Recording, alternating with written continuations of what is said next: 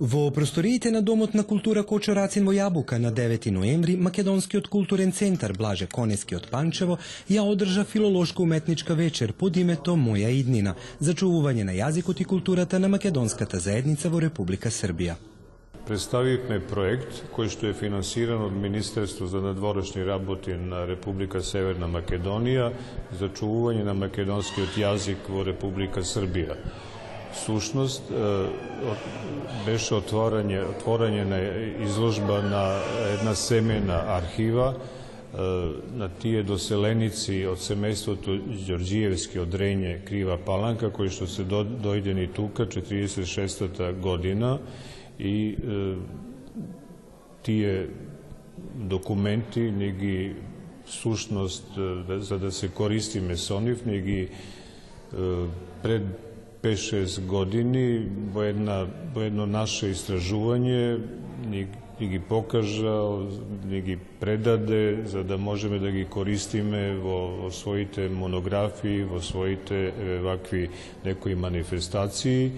И е, многу интересно е што е, почнуваме, односно од првиот документ во таа архива е, е Стојанчо Георгиевски, tatko to na semejstvutu kako e, pekarski pomoćnik vo Belgrad 1940. godina. Potom dođe od fotografiji, sleda od fotografiji od 46. 7. ponatam od 50. godini i druga ta polovina na minati, minati od vek. Sušnost e, predstavljeni se site fazi vo e, razvoju na jedno semejstvo od deceta na, mlad, na, dvajca sinovi i kerkata, koga bila učenici, imame tuku učenički knjiški, od kada što se gleda da deka makedonski jazik bil zastapen i se učel u osnovno učilište Goce Delčev e, Vojabuka, Poto, poto imame, e, što mnogo interesno, e, učebnici na izložbata se predadeni na slovnite stranici, sušnost, E, čitanki, e, geometriji, zemljopis e, i nekoj drugi ušte učebnici od to, o to vreme koga Vojabuka se izveduvala celosna nastava na makedonski jazik. И покрај сите обиди да се искористи законското право за изучувањето на мајчин јазик, како и вложениот труд за зголемување на бројот на децата кои го запишуваат предметот македонски јазик со елементи на националната култура, според мислењето на лингвистот Станислав Станковиќ, состојбата е лоша. На вистина македонскиот јазик е мощно загрозен и самата македонска заедница, етнолингвистичка виталност на македонската заедница во Република Србија е загрозена. Имаме елементи на можеме слободно да речеме, според овие наши теренски истражувања, дека се работи за пасивна асимилација.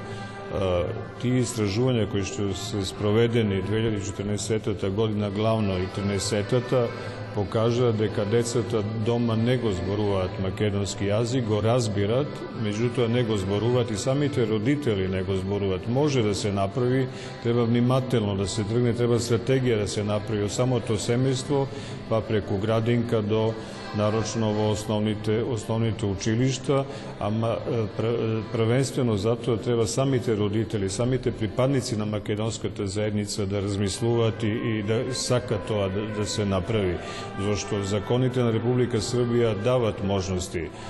Знаеме добро дека националните совети, совети имат автономија во образование, култура, информирање, службена употреба на јазикот а сепак бројот на ученици во самата Јабука, во Качарево планиште покажува дека самите македонци не се заинтересирани нивните деца да го изучуваат македонскиот јазик со елементи на национална култура.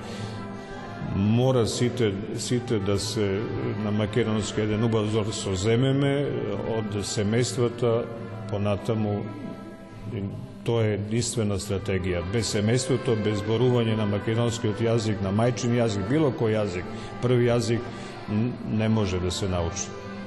Проектот беше финансиран од страна на Министерство за надворешни работи на Република Северна Македонија, сектор за следење на национални приоритети. Се работи за проект кој е финансиран од Министерството за надворешни работи. Министерството секоја година објавува проектни проектни апликации, тоест објавува огласи кои македонските здруженија во странство може да аплицираат со своји проекти. Главни приоритети, главни цели на тие проекти се зачувување на македонскиот јазик и култура, одржување на конференции, дебати, медиуми и, и така натаму, се со цел за зачувување на традицијата, на македонската традиција, традиција на македонскиот јазик во, во другите земји. Со еден збор, оние македонски вредности кои треба да ги зачуваме. За состојбата на предметот македонски јазик со елементи на национална култура во училиштата во Србија краток осврдаде Верка Митковска. Мајчиниот јазик, македонскиот, некогаш во основното училиште Гоце Делчево Јабука, безмалку го учеа сите ученици, а ги имаше повеќе од 800. Тогаш зборувавме дека во Јабука се учи јазикот на обштествената средина – И некој од вас во тоа време седел во училишните клупи во вашето училиште Гоце Делчев. Но каква е состојбата денес? Наставата по македонски јазик со елементи на национална култура се изведува во основ, основни училишта во Србија и тоа Гоце Делчев Јабука, Жарко Зренјанин Качарево, Коста Стаменковиќ, Лесковац, Бора Станковиќ, Богоевце, Моше Пијаде Гудурица, Јован Jovanović Zmaj Хајдучица, Досите Обрадовиќ Пландиште и училиштето Велико Влаховиќ во Нови Сад. Училиштето во Јабука пред 8 години меѓу првите во образовниот систем воведе настава по македонски јазик со елементи на национална култура.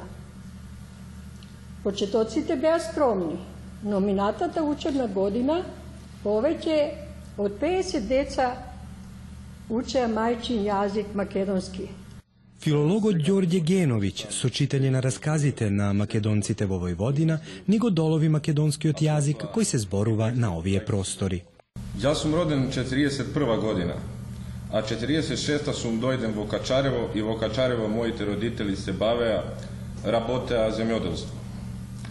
držat држат крави, свињи, кокошки, која година се формираше земјоделската zadruga, – inventaro ti konjite gi dadova zadruga. Zadruga ta beše tri godine. 52 godina se raspadna. Od 52 do nivni od smrt tije se beva so zemljodelstvo. Nije deca kako rasteme taka i pomagame. Rabota site završi zanat, za site imame banket, koga odeme vojska, svadbi i posle, potoa se koji si praveše svoje domaćinstvo. Едниот брат една куќа, другиот втора куќа и ја, као трет најстар, последен дојдов овде. Има 35 години како сме овде, дојдов. Во културно-уметничкиот дел од програмата настапија членовите на пејачката група Јабука, кои ги ни презентира македонски народни и староградски песни.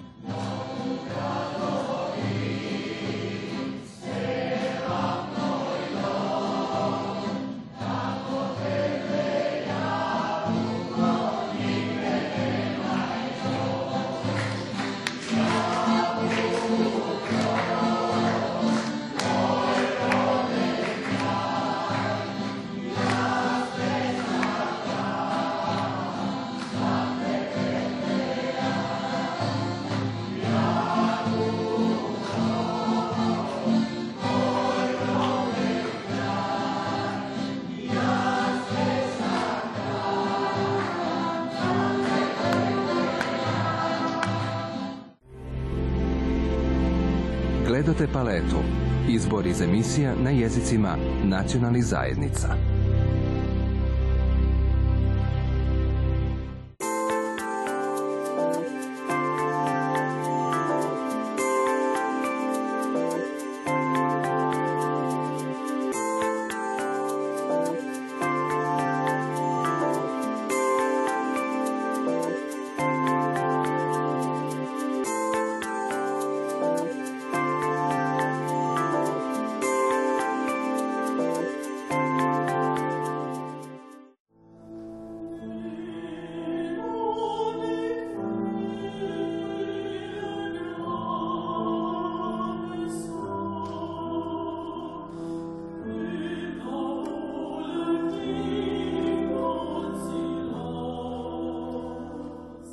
Во музичкото училиште Мокрањац, во салата која го носи име на овој српски композитор и прв директор на оваа училиште, кој е основано во далечната 1899 година во Белград, на 18 ноември оперската дива мецо сопран Бојана Пановска во класата на професорката Љубица Живковиќ одржа солистички концерт.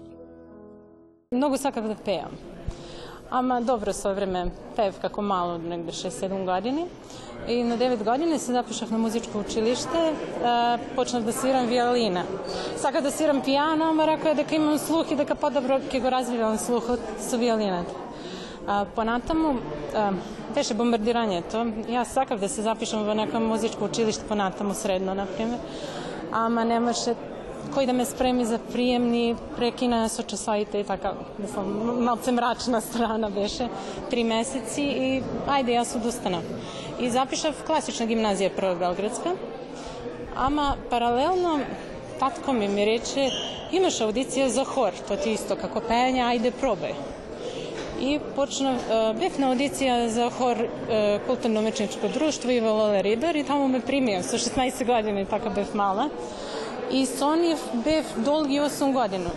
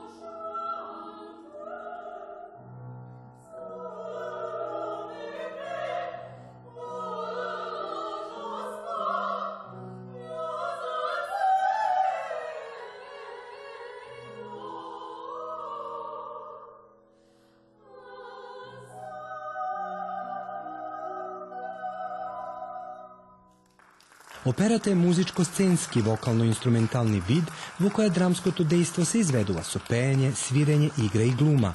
Bojena pokraj dolgogodišnje učestvovo horskoto sakaže da se dokaži i vo solo pejanje.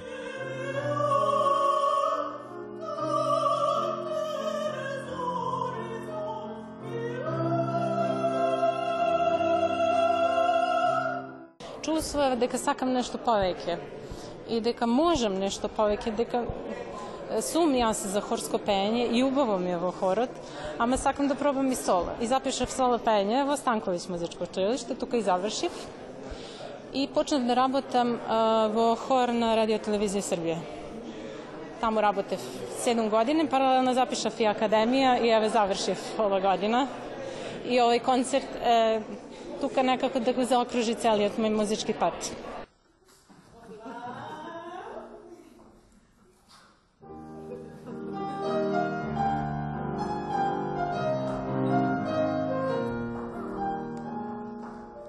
Ova muzički prebogata večer je zbogatija kompozicijite od Mozart, Schumann, Saint-Saëns, Liszt, Čajkovski i drugi.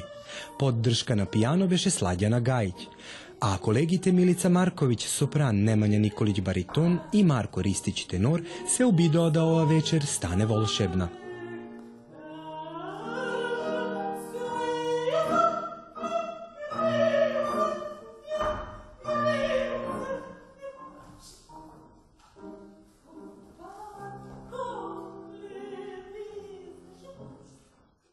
što treba zajedno da pejme, nije treba zajedno da iznesime cela ta opera, kako solisti ili kako horisti ili neki duet, kvartet, kako što biše tuka.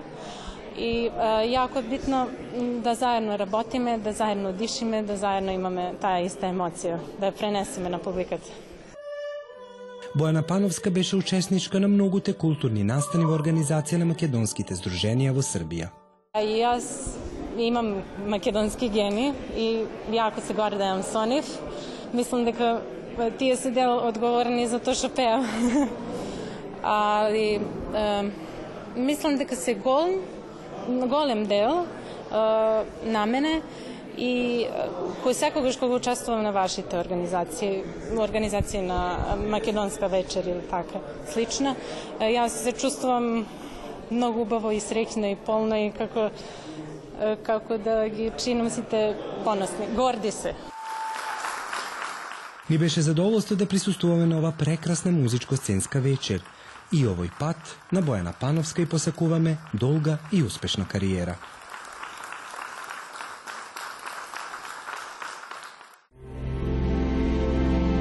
Gledate paletu. Izbor iz emisija na jezicima nacionalnih zajednica.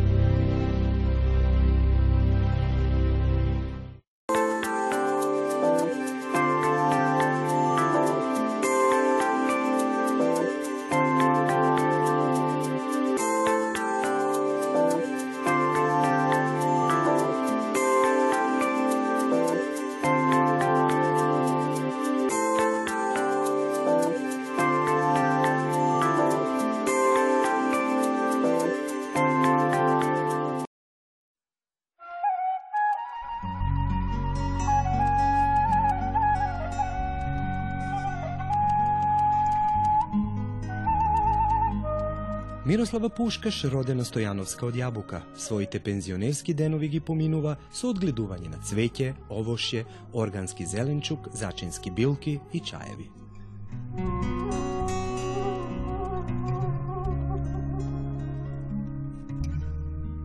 Тоа е љубов голема. Јас кој ќе излезам во двор да фрлам некои отпаци, јас заборавам дека излегов да ги фрлам отпаците, јас после пола сат наоѓам работа. И тога сватам да сум провела пола сат непланирано. Така да цел ден би можела да бидам бавча.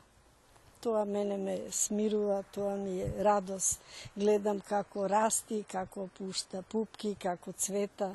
Од цвеќина многу, многу врсти, не можам сите ли да ви ги кажам, од божури, перуники, од мушкатли, од разни кактуси, па имам ружи, имам crveni hibiskus i žolti hibiskusi, pa onda imam neka biljka od Francuska je donesov, ko ću odam takav u inostranstvo nekada, ako možem neko seme, nešto taka da donesam. I ete, ovaj žoltijov ovaj, hibiskus ga donesov od Nemačka pre 30 godini i svega to ima poveće od 30 godina. Така ti se stari билки. A od voćem, Ima višni, razni vrsti, ima sliva, ima praski, oni stari praski vinogradarki, imame eve malini, imame grozje, imame ogrozd, imame aronija, borovnica, imame drvo, ginko, biloba, smokvi, ne znam da li nabroja, imame albicija, razni jelki, pa ruži, ne znam, no, mnogo кинески божури, така тоа све. Голем проблем во денешново земјоделство се вештачките ѓубрива, кои се употребуваат во производството на најголемиот број на земјоделски производи. Овде може да се каже дека има земјоделци кои го чуваат добитокот и употребуваат арско ѓубре, но нивниот број е многу мал. Фамилијата Пушкаш сама го произведува компостот.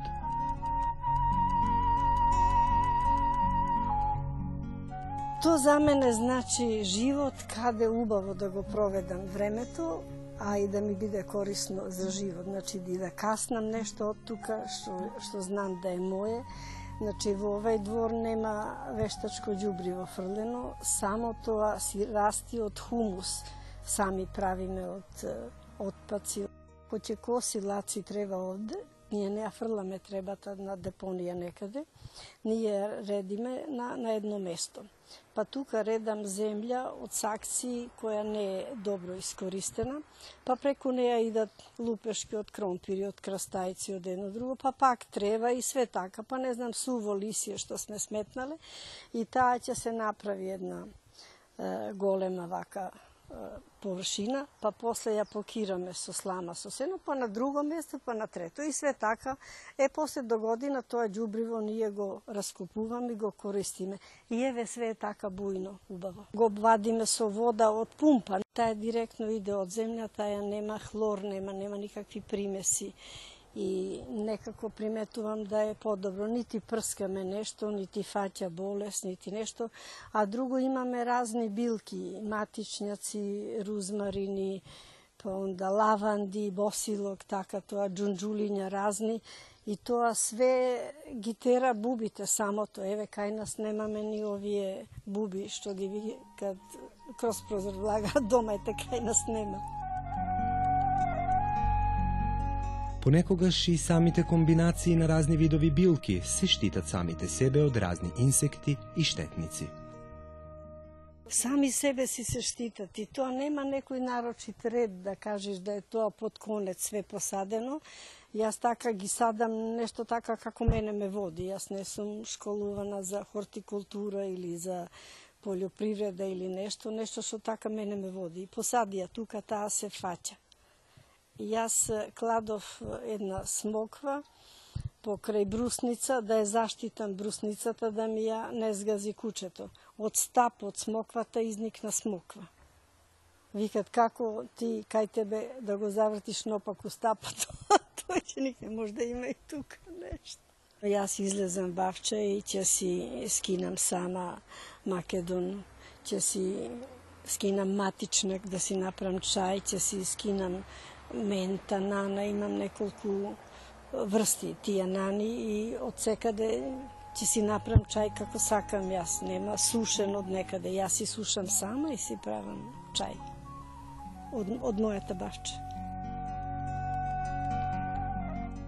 Помошта е секој пат добре дојдена, како што и сама кажува, најголема помош и дава од сопруг Лацика. Кој ќе треба да со ножички да режи, дека јас не сум баш висока и не сум спретна за тие работи, вака што се е, бара од мене вака долу нешто, јас тоа да го оплевам, да го копнам малу, да го врзам тоа, али вака кој ќе треба да се режи, да се врзи некаде, да се придржи, тој све не можам без него. А и тој покрај мене засака. Ја засака таа работа. По вложениот труд и поминато време, на крајот на денот фамилијата Пушка со своите пријатели ужива во својата прекрасна градина. Ние тука си примаме пријатели да седат со нас, ние тука уживаме, ово ние нас како некоја оаза за мир. И тука после пладне многу проведиме, макар и да молчиме и да не зборуваме, нас ни убаво. Кој има место, нека си посади першун, целер, македон, матичњак, рузмарин, лаванда, нека си посади тоа, оти да оди да купува во кесици сушено некогаш. За крајот Мирослава ни даве уште еден савет, имено, секоја есен во шумата паѓаат лисјата на земјата и скапува до пролет. На овој начин се создава така наречената шумска покривка, која е најбогата со микроорганизми со кои се хранат растенијата. Доколку имате место, посадете една органска градина и уживајте во плодовите која таа ќе ги подготви.